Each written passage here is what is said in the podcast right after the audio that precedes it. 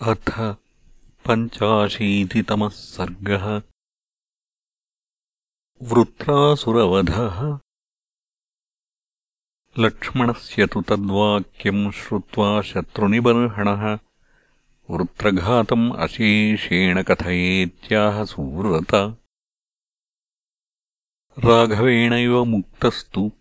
सुमित्रानन्दवर्धनः। भूय एव कथाम् दिव्याम् कथयामास सुव्रतः सहस्राक्षवचः श्रुत्वा सर्वेषाम् च दिवौकसाम्। विष्णुर्देवान् उवाचेदम् सर्वान् इन्द्रपुरोगमान्। पूर्वम् सौहृदबद्धोऽस्मि वृत्रस्य तु महात्मनः।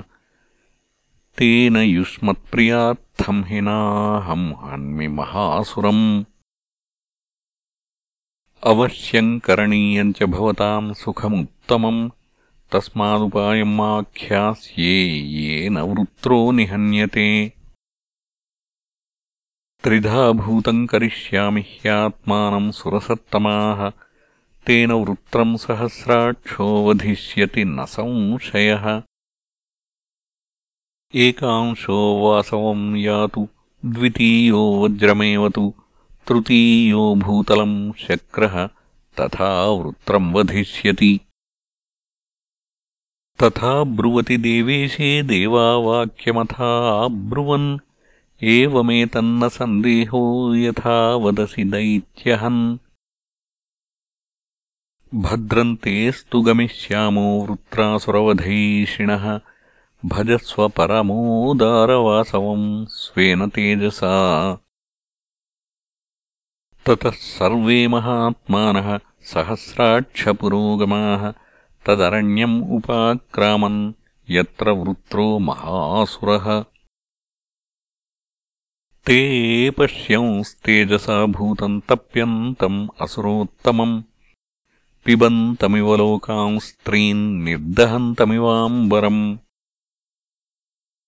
दृष्ट्वैव चासुरश्रेष्ठम् देवास्त्रासम् उपागमन् कथमेनम् वधिष्यामः? कथम् न स्यात्पराजयः तेषाम् चिन्तयताम् तत्र सहस्राक्षः पुरन्दरः। वज्रम् प्रगृह्य पाणिभ्याम् प्राहिणोद्वृत्रमूर्धनि। कालाग्निनेव घोरेण तप्तेनैव महार्चिषा। पतता वृत्रशिरसा जगत्त्रासमुपागमत् असम्भाव्यम् वधन् तस्य वृत्रस्य विबुधाधिपः चिन्तयानो जगामाशु लोकस्यान्तम् महायशाः। तमिन्द्रम् ब्रह्महत्याशु गच्छन्तम् अनुगच्छति। अपतच्चास्य गात्रेषु तमिन्द्रम् दुःखमाविशत्।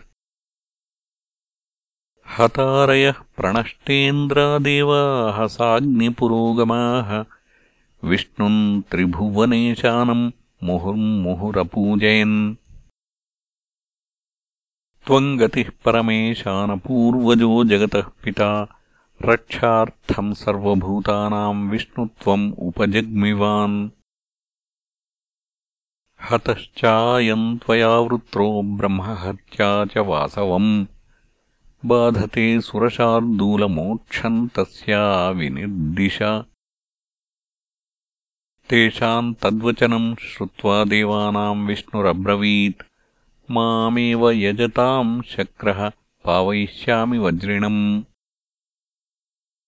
पुण्येन हयमेधेन मामिष्ट्वा पाकशासनः पुनरेष्यति देवानाम् इन्द्रत्वम् अकुतो भयम्।